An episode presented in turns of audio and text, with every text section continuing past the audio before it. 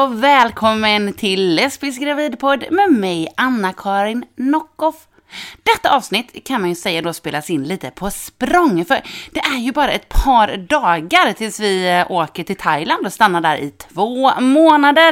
Det ska bli så sjukt skönt.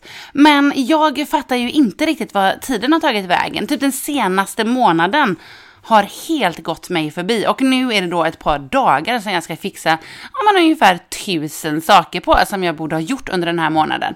Under den här månaden så var det ju också tanken att Bobo skulle växa och bli superstor. För jag har ju liksom tänkt att han skulle vara så stor när vi åker iväg. Nu är han ju pytteliten och eh, ja, jag är ju orolig för hur kommer han klara värmen? Jaha, okej, okay, bra säger han. Tänk om han råkar få för mycket sol på sig, tänk om han blir kidnappad av ett apgäng. Det finns faktiskt vilda apor där. Och hur kommer flygresan gå? Ja, det är liksom mycket nojigt, men framför allt så är det väldigt mycket positivt och jag ser fram emot att eh, ge honom en varm vinter.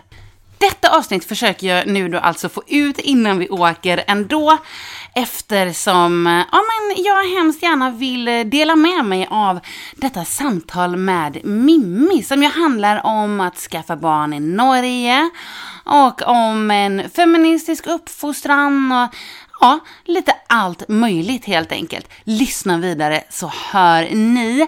Sedan sist så har ju Bobo och jag verkligen varit ute på språng. Vi var i Malmö och var med på lesbisk frukost. Och det var ju jättekul! Um, den där konstiga känslan som lätt slår till när jag befinner mig på en scen och har en mikrofon framför mig, ett uh, tillfälle som sker för ofta kan tyckas, um, i kombination med min amningshjärna kan ju ha gjort att jag framstod som något flamsig och eh, tramsig, vilket jag väl egentligen också är. Så det ska jag väl inte börja på, hålla på att eh, ursäkta mig för. Men i alla fall, jag hoppas att eh, de som var där fick ut någonting av det också. Mm, nu hör man Bobo hosta lite här i bakgrunden. Han och eh, ja, jag, fast det är såklart mer synd om Bobo, har nämligen blivit lite förkylda.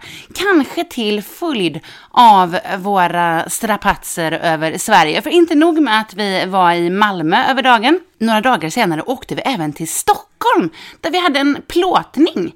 Eh, och det var ju jättekul. Bobos första plåtning eh, utanför magen och han är ju en naturtalang. Jag kommer dela med mig av resultatet på Lesbisk gravidpods Instagram. En annan väldigt rolig sak som har hänt är att Bobo har börjat äta lite mat.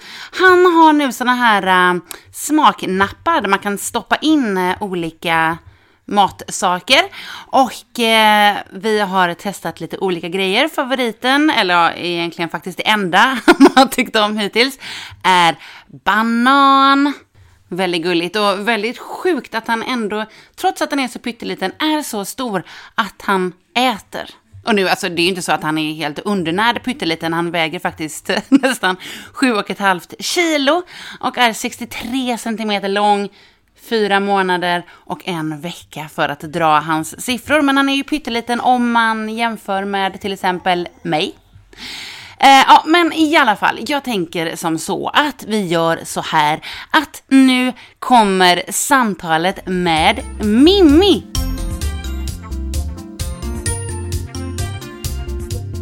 Hej och välkommen till Lesbisk gravidpodd! Tack snälla! Har du lust att berätta lite om dig själv? Ja, det kan jag göra. Jag heter Mimmi. Eh, jag är 32 år gammal. Född och uppvuxen i Göteborg. Så flyttade jag till Norge 2013 tror jag det var. Eh, då hade jag studerat ett år i USA. Jag flyttade hit för att eh, jobba lite och sen resa. Men så träffade jag kärleken. Ah. Och så har vi bott här sedan dess. Nu just nu bor vi i en lägenhet tillsammans med vår 14 månaders dotter strax utanför Oslo. Men hon är norsk, eh, din... Eh, ja. Är, är, är, det, är det fru eller flickvän förresten? Uh, partner. Partner. Hon är väl um, icke-binär. Ja, ja. försöker vara duktig på att kalla henne partner istället för flickvän. Ja, men då ska jag också försöka vara jag duktig på det. Jag är jävla kass på det. Ja, ja Okej, men om du inte är helt hundra på det så känns det mer okej om jag inte, om jag råkar faila någon gång. Men jag ska Ja, alltså, försöka. hon, det är okej att man säger henne. Så Ja, när jag pratade med henne tidigare så sa jag att det kan hända att jag fuckar upp och säger flickvän istället för partner. Hon bara, men det går bra. Ja, okej. Ja, Ja, ja, men vad bra. yes. Men hon vill inte bli kallad fru. Nej. Det vill hon inte. Nej, förlåt. Vi, vi, vi har inte gift oss än, vi är bara förlovade alltså. Ja. Men vi ska gifta oss snart. Och ni har alltså en 14 månader gammal dotter. Yes. Ja, hur såg eh, eran väg till barn ut? Jag är sex år äldre än eh, min partner. Mm. Så eh, när vi hade varit ihop i eh, två år eller något sånt där så sa jag till henne att jag eh, började bli sugen på att få barn. För ganska länge sedan hade jag bestämt mig för att jag inte vill ha barn med en man. Så jag hade tänkt att har jag en relation så är det jättebra. Har jag inte en relation så kan jag ju skaffa barn på egen hand liksom genom att inseminera mig. Mm. Så jag pratade med henne om det och ehm, eh, hon var inte riktigt redo då. Vi hade ju bara varit ihop i ett par år. Men så började jag i alla fall säga till henne vad jag önskar då eh, inför framtiden. Och sen så gick det väl ett par år till och eh, när vi väl beslutade oss för att eh, detta är någonting vi vill göra så började vi söka lite på nätet hur man går tillväga som lesbisk par i Norge. Eh, hur gör man? Vem kontaktar man först? Och vilka papper ska vara i ordning? Och tester hit och dit. Fanns ingenting. Fanns ingenting Va? överhuvudtaget. Oj. Jag bokade egentligen en tid hos min läkare bara. Och så snackade jag med henne och sa jag vill bli med barn. Vad gör jag? Mm. Och då sa hon, jag vet inte. Jag har ingen aning. jag bara, ja, okej, ja ja. Så eh, det hon sa då var att eh, hon skulle skicka en remiss till en fertilitetsexpert på Rikshospitalet här i Oslo. Som hon gör med heteropar som har problem att bli gravida. Skickade hon en remiss till en gynekolog också för att göra alla dessa tester man behöver göra för att se liksom, okej men är jag fertil, eh, har jag någon sjukdom, alltså cellprov, allt sånt där. Så efter jag hade gjort det och det var lite fram och tillbaka med kompletterande uppgifter för att den gynekologen visste heller inte någon aning om okej vad ska jag testa dig för? Jag bara, jag vet inte. Nej. Jag har ingen aning. Det fanns, ingen, det fanns liksom ingen sån sida som man föreställer sig att det finns någonstans på Vårdguide eller något sånt där. Så här gör du om du vill ha barn och är lesbisk.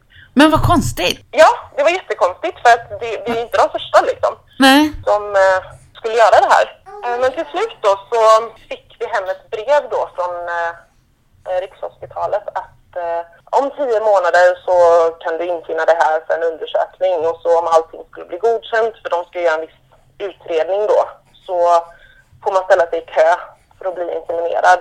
Och då tror jag att efter de här tio månaderna så skulle kön vara på 300 dagar eller något sånt där. Ja.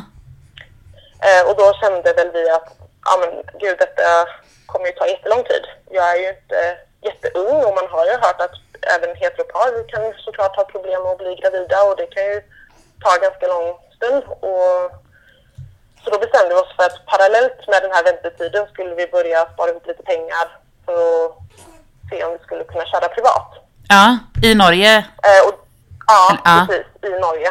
Och det var faktiskt så det slutade med att vi gjorde. Vi eh, gick till en klinik som ligger i Oslo. Mm. Eh, där de hjälpte oss med egentligen allting. Eh, vi fick bara... Vi, vi köpte liksom eh, säden via European Sperm Bank. Mm. Då fick vi liksom ja, söka oss fram till den donorn vi tyckte passade oss då. Ja. Och så köpte vi och beställde därifrån och så sände de den då till kliniken i Norge.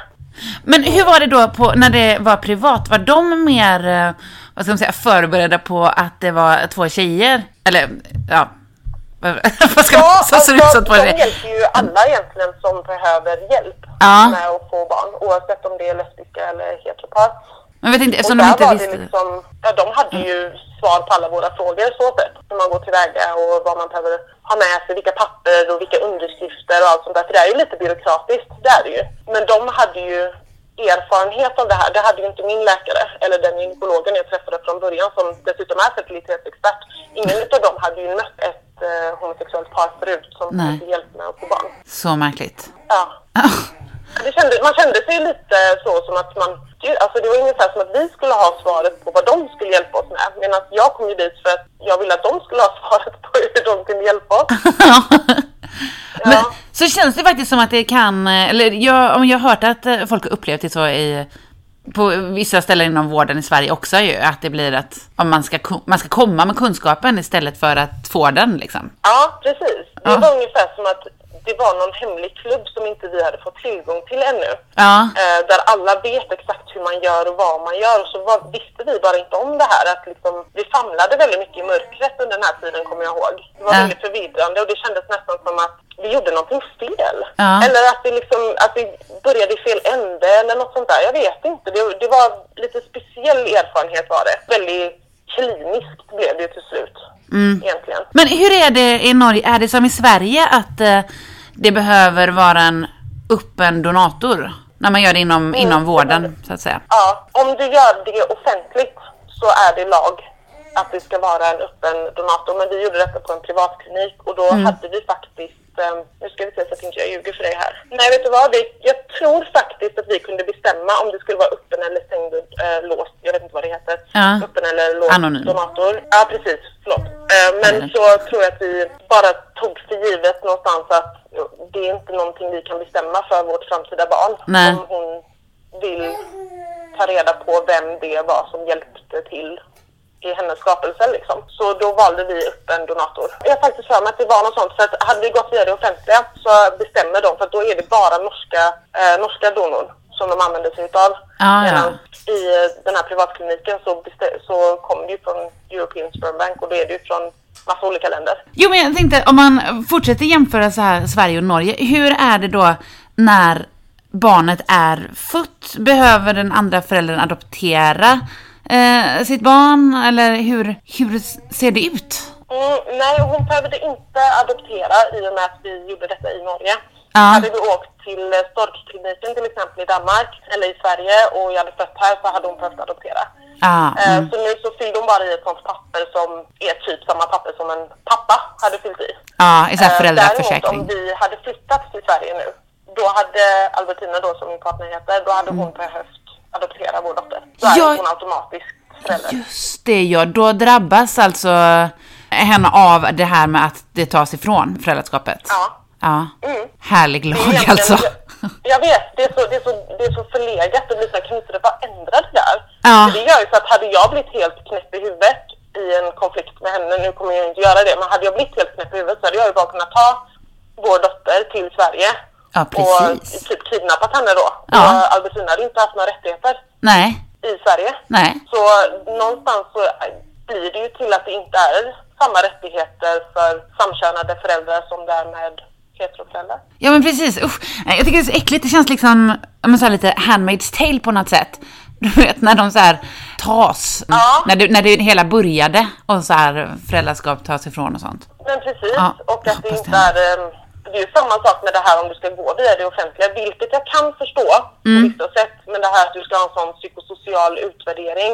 Ja. Att det ska sitta en person där och bedöma om du är kapabel till att vara förälder. Jag tycker någonstans, det är inte farligt att det är så. Det är väl bra att man checkar någonstans att personen kanske inte är jättespontan och går på, har värsta drogmissbruket eller något sånt där. Mm. Men samtidigt känns det ju ganska invasive, för det, men du gör ju inte så med heteropar. Nej precis. Ja, Där kan ju barn Då komma blir till det av ju en orättvisa där. Då borde det i så fall vara alla eller ingen. Ja. Lite som ett körkort för att få skaffa barn. Ja, precis. Men hur funkar det för er eh, när ni gjorde det? Var det samma att behövde det skrivas under speciella papper där liksom med, med föräldraskap eller hur funkade det? Mm, Nej, Bobo är ju det då? bara mitt barn. Än så länge. För vi hade ju anonym donator. Alltså han är ju inte bara mitt barn, men på pappret så är han bara mitt barn. Ja. Eh, Eftersom vi hade anonym donator och då räknas jag som ensamstående och en faderskapsutredning måste göras. Vilken eh, har gjorts nu, så nu kan vi då påbörja adoptionsprocessen. Så eh, hans andra mamma kan få bli hans mamma även på pappret. Okej. Men hur lång tid kommer den processen ta då? Alltså vad jag förstår så den kan ta några månader tror jag. Så därför, vi har inte påbörjat den riktigt ännu, för nu, tänk, nu vill vi bara typ ja, men, njuta lite av att vara föräldrar utan att hålla på med massa papper fram och tillbaka hela tiden. För det känns så bara, Ja, men precis. Det är så jävla oromantiskt. ja verkligen. Det är så bara sitter helt gullig bebis här och så ska man hålla på och skriva massa papper. Det är ju det som är. Det blir så himla byråkratiskt när man inte har samma, ja, men samma rättigheter. Skitsvårt om hon, om hon ställs inför en situation då där hon behöver ta ett beslut Mm. för eran son och du kanske inte är tillgänglig.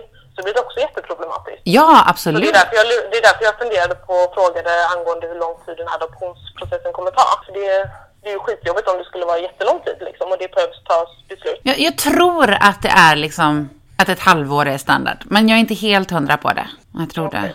Men du, en helt eh, annan fråga då. Hur eh, lång tid tog det för dig att bli gravid? Hur många försök gjorde ni och eh, sådär? Det, det funkade faktiskt på andra försöket. Oh, ah. Så vi hade extremt tur. Jag är jättetacksam för det faktiskt. Ja. Eh, Jag gjorde första försöket i november 2017 Mm. Eh, och det funkade inte och då provade vi igen nästa ägglossning och då Mm. det. Så jag blev gravid i december 2017. Ja, vad skönt att det gick så fort. Ja, väldigt. Vi har ju mött en hel del andra personer, både heteropar och eh, lesbiska, som eh, inte alls har haft samma flyt. Det är ju egentligen inte så himla ovanligt att man har, att det tar en stund. Nej, men precis. Faktiskt väldigt glada för det faktiskt, att det gick så, så bra. Ja, det förstår jag. Men hur eh, tyckte du att det var att eh, vara gravid sen? Oj, det var jättejobbigt och jättebra faktiskt. Det första trimestern var, jag var så jävla illamående. Det var som att gå runt så ständigt bakfull, alltså sån jättebakfull så att du egentligen bara vill ligga ner. Aj, fy. Ja, det började liksom med en gång. Jag kommer ihåg nyårsafton. Jag bara, jag vill ligga ner. Ja, jag måste ligga ner. Jag mådde inte alls bra.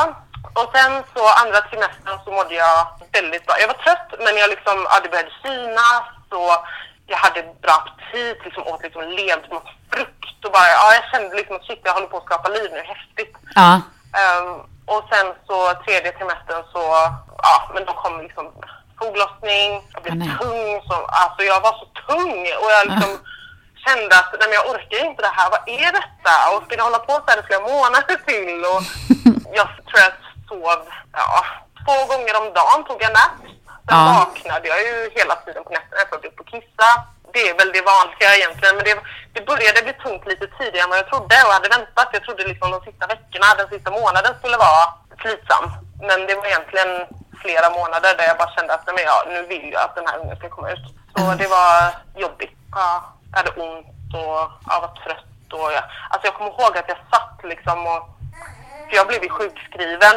Eh, jag född, min beräknade förlossningsdatum var i slutet på augusti och jag blev 100% sjukskriven i juni. Jag kommer ihåg att jag satt hemma och typ försökte pussla, jag satt hemma och skrev. Och så blev jag andfådd av att sitta.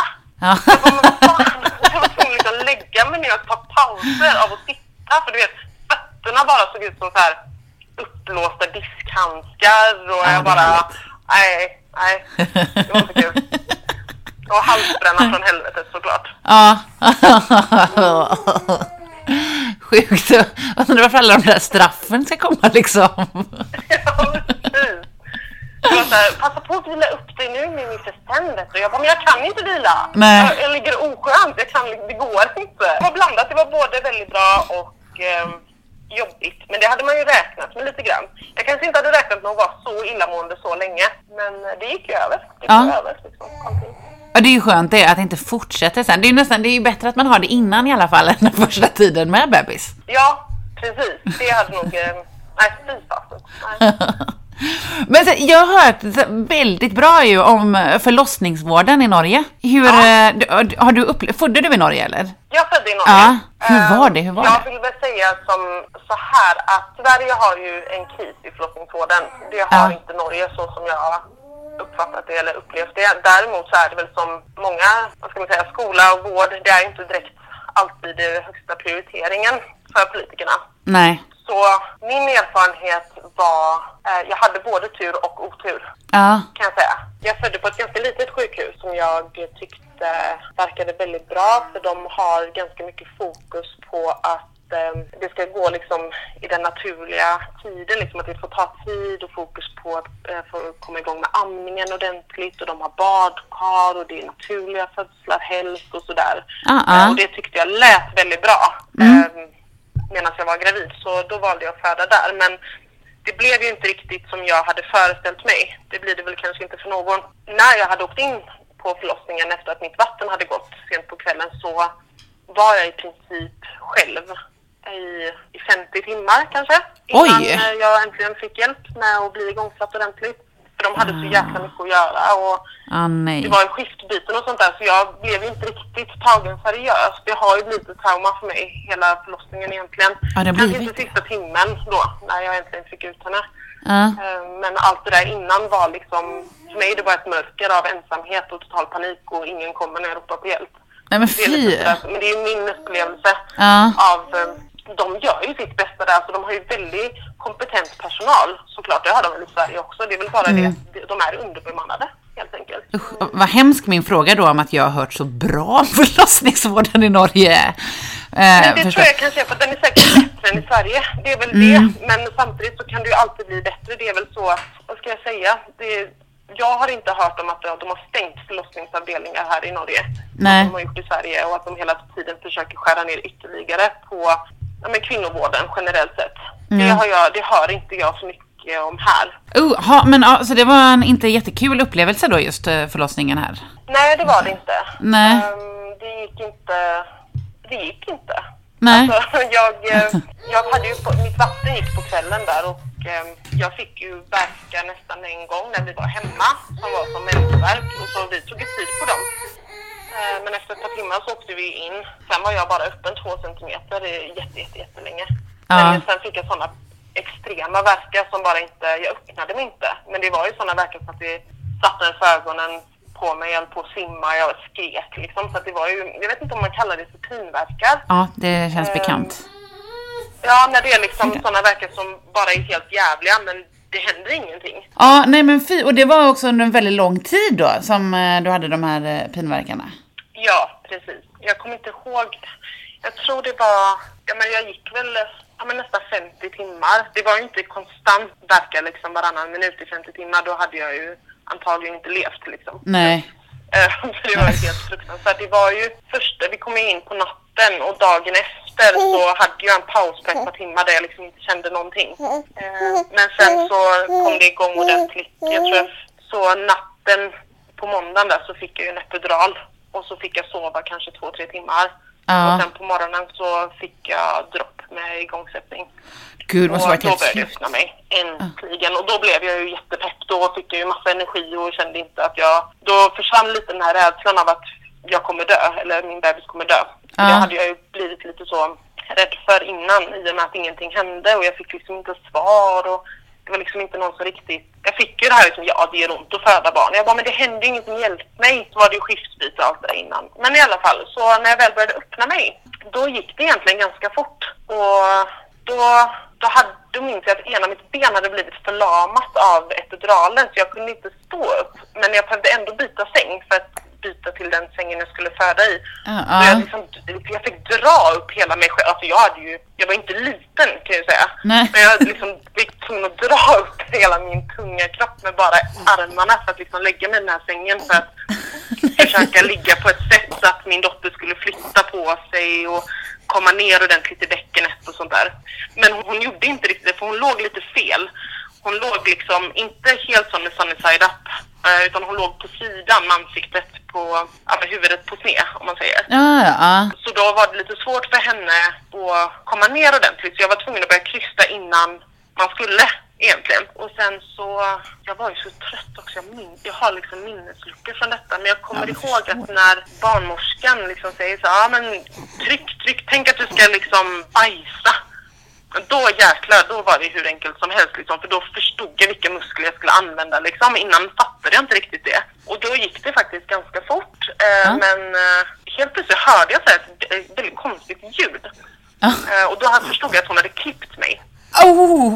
Eh, ja, hon hade inte sagt någonting och då blir jag så här, jag förstår kanske varför. Mm, ja. Men jag tycker ändå att man borde säga innan man tar liksom en sax och klipper typ som låter som en kycklingfilé typ. Det var så äckligt Ja, det ljudet, jag kan höra det.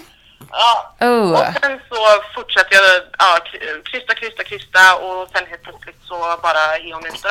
Från det att jag hade börjat krysta ordentligt så tog det en timme Ja. tills hon var ute. Och, men sen så kom det ju massa folk in i rummet jag blödde tydligen massa och jag fick spruta i låret och det kom in en läkare som skulle börja sy mig en gång. Enligt journalen då så hade jag, jag vet inte vad man säger på svenska men det står dyp rifte inne i vaginan så att jag hade spruckit jättemycket inuti. Aha. Ja. och så blivit klippt utanpå då. Och sen eh, epiduralen hade gjort någonting så att jag kunde heller inte, eh, det tog en stund innan jag kunde stå på benen och sen kunde jag inte kissa på ja, fem, sex, sju dagar. Det, jag hittade liksom inte att jag kunde kissa så jag fick ha kateter och sen fick jag ju självkateter och lära mig det.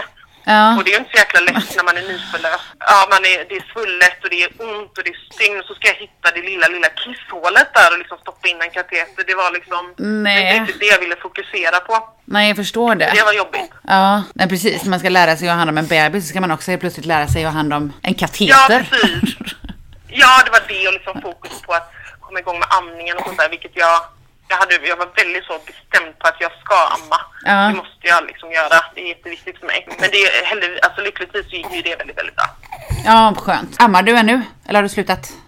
Ja, jag gör det på morgonen. Ja. Eh, och sen när eh, min dotter kommer hem från förskolan så vill hon ha lite sån, ja lite tuttmys bara. Ja, Så det är inte så att hon äter på eftermiddagarna men hon får, lite, hon får styra det lite själv tänker jag. Men hon äter ju mestadels vanlig mat. Jag, jag tror att det känns lite konstigt att amma jättelänge till.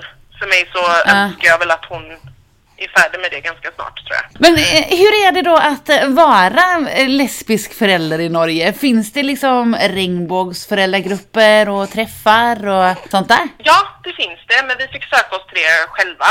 Det var inte så att vi fick något erbjudande på BVC eller något sånt där, eller de här kontrollerna man hade innan. Då var det ju mest för heteroföräldrar, Ja. grupper och mammagrupper och sånt där. Så vi sökte oss till eh, regnbågsfamiljer, det finns en sån grupp på Facebook. Eh, så då efterfrågade vi där om det fanns några andra eh, lesbiska par som hade fått barn nyligen som har lust att träffas och ha mammaträffar och hänga och sådär då och då. Ja. Så där har vi några som vi träffar nu, Ja. en gång i månaden Ja. faktiskt. Sen så när det kommer liksom till förskola och när vi har varit på, hos läkare och sånt där så har vi aldrig fått höra någonting negativt eller att någonting skulle vara konstigt och på eh, vår dotters förskola så är de väldigt noga med att benämna, ja ah, det är mamma och babba, inte mamma och mamma eller mamma och pappa utan det är mamma och babba och de Mm, tillrättalägger väldigt bra tycker vi. Ja. Men däremot så är det ju så att man får ju blickar när man är ute Ja. av liksom privatpersoner, så är det ju. Mm. får man ju räkna med höll jag på att säga. Ja, tyvärr förhoppningsvis så lägger det sig någon gång. Ja, framtiden får man väl hoppas på att det inte är något konstigt eller någonting att bemärka eller stirra på. Liksom. Nej, Det nej men önskar jag i exakt. alla fall att det är liksom, familjer kan se ut på alla möjliga sätt och det är okej. Men sen, hur tycker du att livet med barn är? Var det, var det som du hade tänkt dig? Nej, Nej. inte. Nej. Ehm, det har varit, alltså vi hade ju tänkt att ja, det kommer vara jobbigt ett par veckor kanske Ja. i början där innan man liksom vänjer sig. Men eh, vi har ju haft ett ganska jobbigt första år faktiskt. Ja, okej. En del av vad det är som egentligen grundar sig i att det är jobbigt tror jag är de här förväntningarna Ja. eh, av att allting ska bli så himla underbart och så himla perfekt. Att eh, andra människor kanske pratar om det på ett sätt där man får en idé om hur det ska vara. Mm. Och så blir det kanske inte riktigt så och då blir det en besvikelse kring det kanske eller att man vänder det inåt mot sig själv att man har gjort någonting fel eller att man inte tycker det är jätteroligt hela tiden. Mm. Eh, Så det har varit jobbigare än vad jag hade trott. Men det är också väldigt spännande och väldigt kul just nu i alla fall. Ja. Vi hade ju som sagt ett tufft år. Alltså, jag fick ju en förlossningsdepression. Men det Ah. fattade ju inte jag eller folk i min närhet förrän det hade gått kanske fem månader. Så det, det tror jag har varit en bidragande faktor också till att vi har haft det jobbigt ganska länge. Ja, vad ska man säga? Det, att vara förälder, det går liksom inte att beskriva riktigt. Man är ju ansvarig för en annan människa. Och, tidigare, och det tror jag inte går att föreställa sig förrän man är i den situationen själv. Det är, lite skräm, det är väldigt skrämmande och överväldigande. Ja. Men så är det ju väldigt häftigt och nu när vår dotter börjar bli lite större och kommunicera mer med oss så är det ju, man får ju enormt mycket tillbaka. Ja. Och hon är ju fantastisk så jag hade ju inte bytt det för någonting i världen såklart. Men, det, men i början så var det väldigt så, det var tufft. Ja, men det förstår jag verkligen. Men Först med så utdragen förlossning och sen så förlossningsdepression på det. Ja. Men hur känner du? Är du liksom återhämtad? Ja, det gick egentligen ganska... Från det att jag sökte hjälp så fick jag hjälp ganska fort. Så min förlossningsdepression blev väl till en vanlig depression. Ja. Eller vad man nu ska säga. Alltså en förlossningsdepression måste nödvändigtvis inte ha att göra med att du har svårt att anknyta till ditt barn utan det kan vara alla möjliga saker som triggas igång från tidigare. Och det är väl det som egentligen mitt problem låg i, att jag har en del i mitt bagage som jag inte har bearbetat ordentligt. Så jag är ju fortfarande, har en diagnos, eller vad man ska säga, av depression. Jag är deprimerad, jag är sjukskriven från mitt arbete. Men min anknytning till min dotter är som den ska, inom citationstecken. Där, där är det liksom, vi har en bra relation. Ja. Det är däremot att jag har problem med mig själv, kan man väl säga Ja. som jag arbetar med väldigt mycket just nu. Jag ser ju en, träffar en psykolog varje vecka. Mm. Ja, men bra. Det, det kändes skönt att få, när man bad om hjälp, att få hjälp.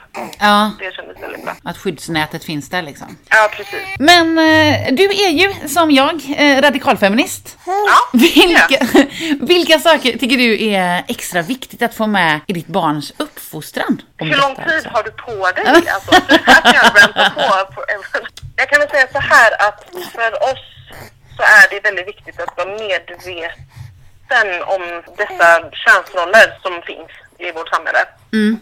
Och som då gärna appliceras väldigt tidigt på unga, unga barn. Eh, för oss så, så resonerar vi väl som så att det är totalt orelevant egentligen vad som finns mellan benen på barn. De ska få lov att vara barn. Och eh, vi försöker fokusera på att vår dotter ska vara en individ framför ett kön. Liksom. Ja. Hon, är, hon är Alva. Hon är inte en flicka nödvändigtvis. Alltså hon är ett barn. Mm. Så för oss så vill vi fokusera på uppmuntra henne, mycket lek så att hon blir trygg i sig själv. Eh, hon ska våga utforska. Det ska liksom inte vara åh akta dig där och var försiktig och åh du är så söt och fin. Nej. Hon ska få lov att bli den som hon är. Och då, hur det ter sig i praktiken är ju, till exempel så är det så här att när vi, vi försöker köpa könsneutrala kläder till henne. Ja. Eh, Dels för att de är mer praktiska och det finns utrymme att leka i dem. Det gör ingenting om hon får en fläck på dem. Alltså det, det är inte massa ljusa söta grejer. Vi pyntar henne liksom inte så. Eh, och så försöker vi väl alltså, se henne. Alltså hennes, hennes kropp är hennes. Ja. Eh, Hon ska få lov att ha sin kroppsliga integritet. Det är viktigt för oss. Det är svårt att beskriva egentligen för att Mm. jag tror att mycket man gör och säger är ofta omedvetet. Ja. Och det, det är ju en resa man gör nu. Alltså, jag har inte varit förälder förut. Jag vet ju vad jag tycker. Men hur jag sen gör ibland eller resonerar kan komma så automatiskt så att jag måste reflektera ganska mycket Ja. kring hur jag... Men ibland kan jag komma på mig själv om hon sitter med någon Ja men något gulligt klädesplagg på sig så kan jag ju komma på mig själv. Åh, du är så söt, hon du är så söt du Och det är inte farligt i sig. Nej. Det är väl mer att när hon växer upp i den här världen och får bekräftelse på hur hon ser ut så kommer hon förstå att det är viktigt Ja. att vara söt, att det är någonting bra att eftersträva. Och där försöker väl vi lägga då lite som en motpol kanske, att nej, men hon är bra, hon är god, hon är härlig, hon ska få leka och hon ska få utforska, att vi fokuserar lite mer på det. Tror du att du hade tänkt något annorlunda i uppfostran om eh, du hade fått en pojke istället? Jag vill ju säga nej, Nej. nej, jag hade behandlat dem exakt likadant. Det vill jag ju säga, men det, det tror jag inte på. Nej. Ehm, jag tror att man måste hela tiden nästan reflektera över hur man beter sig, vilka val man gör, hur man väljer sina ord. Mm. Så att även om man är medveten om hur världen ser ut idag och man önskar en förändring så har man ju själv växt upp i världen. Man är ju själv en del utav dessa strukturer som finns. Men jag tror att hade vi haft en son så hade vi återigen som en motpol mot stereotypiska könsroller eh, försökt kanske ge lite extra utrymme till det är okej att visa känslor, omsorg, ömhet, allt det här. Men också, det är, liksom, det är inte något fel med att vara feminin, maskulin. Eh, det är inte fel att vara tjej, det är inte fel att vara kille. Man får bara lov att vara lite grann. Så där hade vi försökt också så med könsneutrala kläder, alltså som är praktiska och bekväma och funktionella. Också det här att Alltså det finns ju studier som visar på att pojkar får mer så här, ja ah, men det går bra upp med dig och tuffa till dig och, och Ja. liksom, de, de är lite mer, de blir behandlade lite hårdare än vad tjejer blir. Ja. Och jag tror inte nödvändigtvis att det är någonting som är positivt att bli bemött på det sättet. Eh, Nej, jag verkligen tror på inte. att, eh, att va, ha mjuka framtoningar tror jag är väldigt sunt. Mm. Att bli sedd, att, att bli bekräftad i sina känslor och sånt där. Så jag tror kanske att vi hade varit lite mer medvetna om att omvärlden kommer behandla en eventuell son på ett visst sätt och därför kanske vi hade behövt kompensera för det.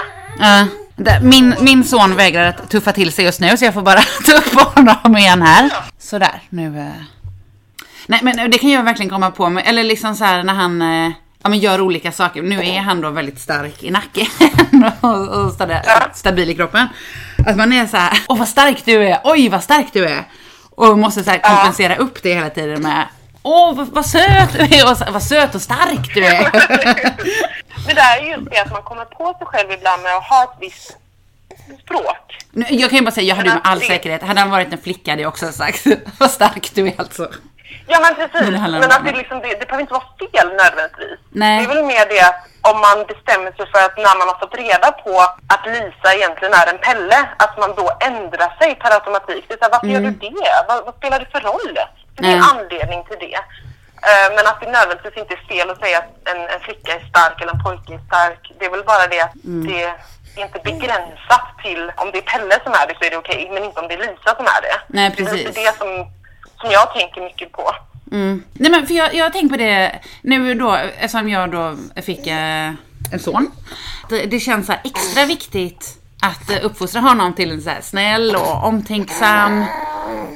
Och de liksom, och känslig, de mjuka eh, kvaliteterna och egenskaperna man ska säga. Men som är ju bra egenskaper. Som man också såklart då skulle vilja ge ifall han hade varit en flicka. Sådana där bra saker. Men det känns på något sätt extra viktigt liksom när eh, det råkade bli en med snopp.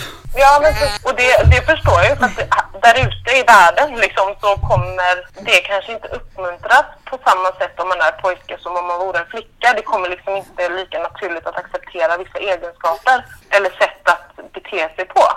Så det tror jag absolut att det kan kännas som att det är viktigt att fokusera lite på det om man får en son. Men på samma sätt som det kanske, om man då eh, får en dotter, är, eh, känns, vad ska man säga, mer eh, viktigt att fokusera på att hon ska bli stark, kunna säga nej är såklart viktigt för alla, men, eh, ja, men att stå på sig mer. Mm. Ja, jag vet inte. Ja, det jag tänker är, ja precis. Det, I och för sig hade man fått tvillingar. Det är också så här, vad är det att vara stark då? För Ja, ja. det, det är liksom också en sån här definieringsfråga. Det som jag tänker är väldigt viktigt oavsett kön på barnet är väl det här med just den här kroppsliga integriteten som de nu har väldigt mycket fokus på förskolor och skolor också som är skitbra. Mm, det är Det här att det andra ska vara försiktiga med dig. Du är inte den som ska vara försiktig för att inte bli slagen typ eller inte bli eh, omkullknuffad.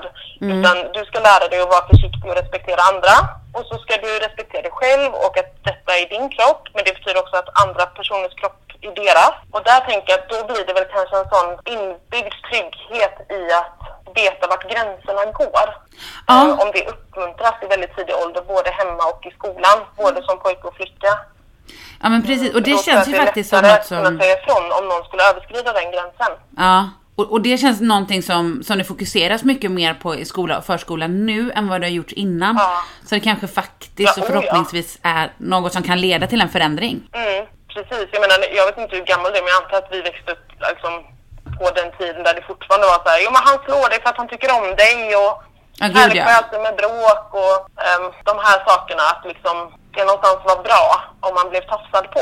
Det är väldigt sjukt. Jag hoppas det aldrig är så igen helt enkelt. Någonstans. Nej. Men apropå så här saker som kan ändras då. Om du fick ändra en sak i samhället tills ert barn har vuxit upp. Vad skulle det vara då? Ja du, jag tror väl att om könsmaktsordningen har ändrats så att det är mer jämställt Ja. då tror jag att det är massa positivt som följer med det.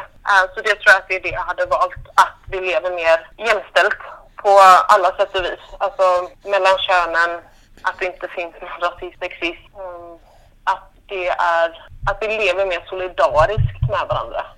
Att det inte är så stora klasskillnader längre.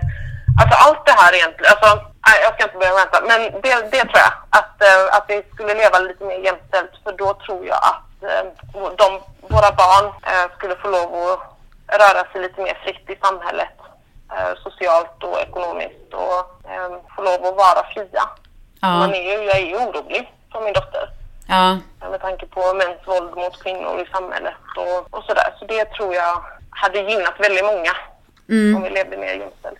Ja, många positiva saker som hade kommit ur det. Eventuellt alla faktiskt. Vad hade du valt?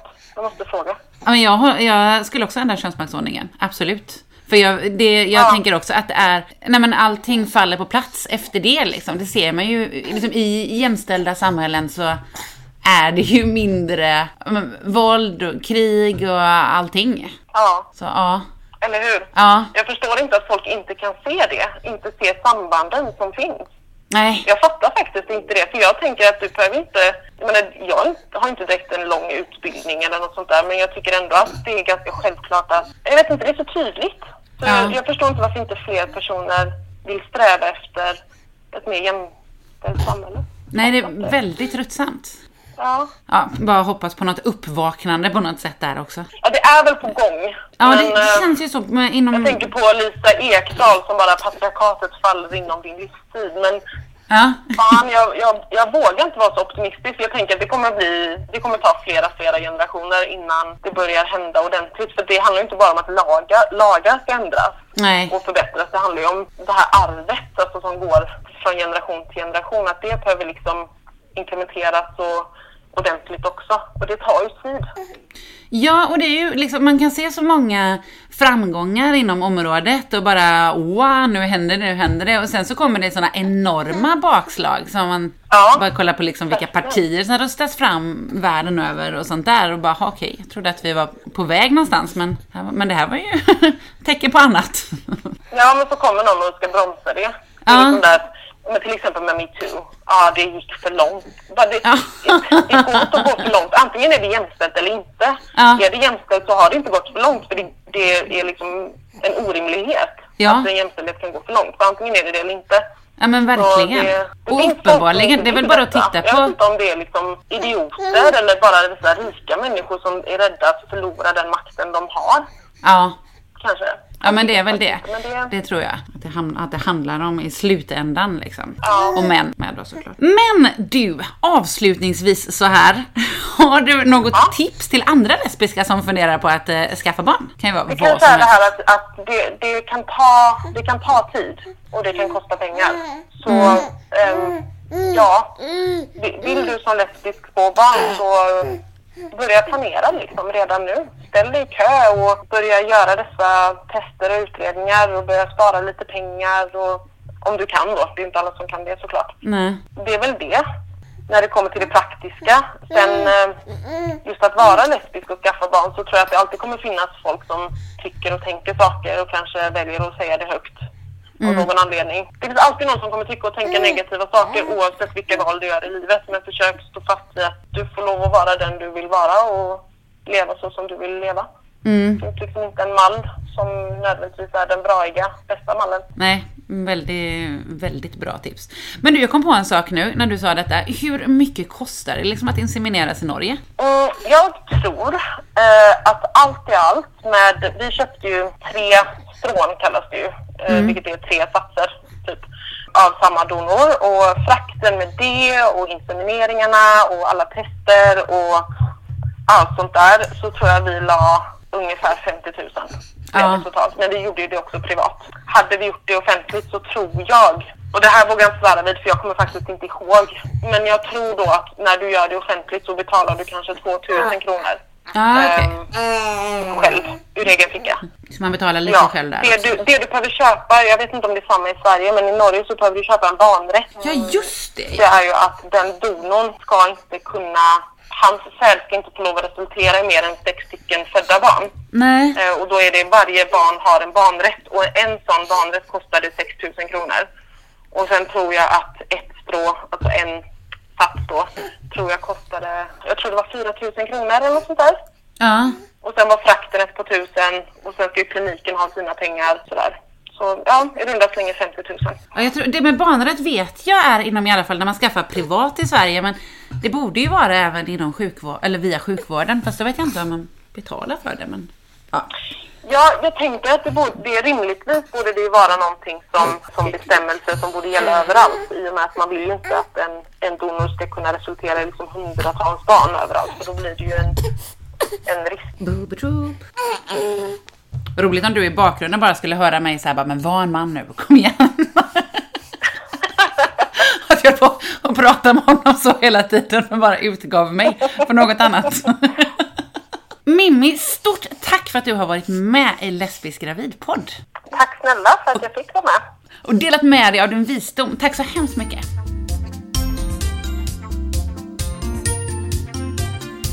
Vet ni vad? Detta, det var faktiskt allt för idag. För nu måste jag återgå till att göra de där tusen sakerna som jag eh, ska göra på en ytterst kort tid.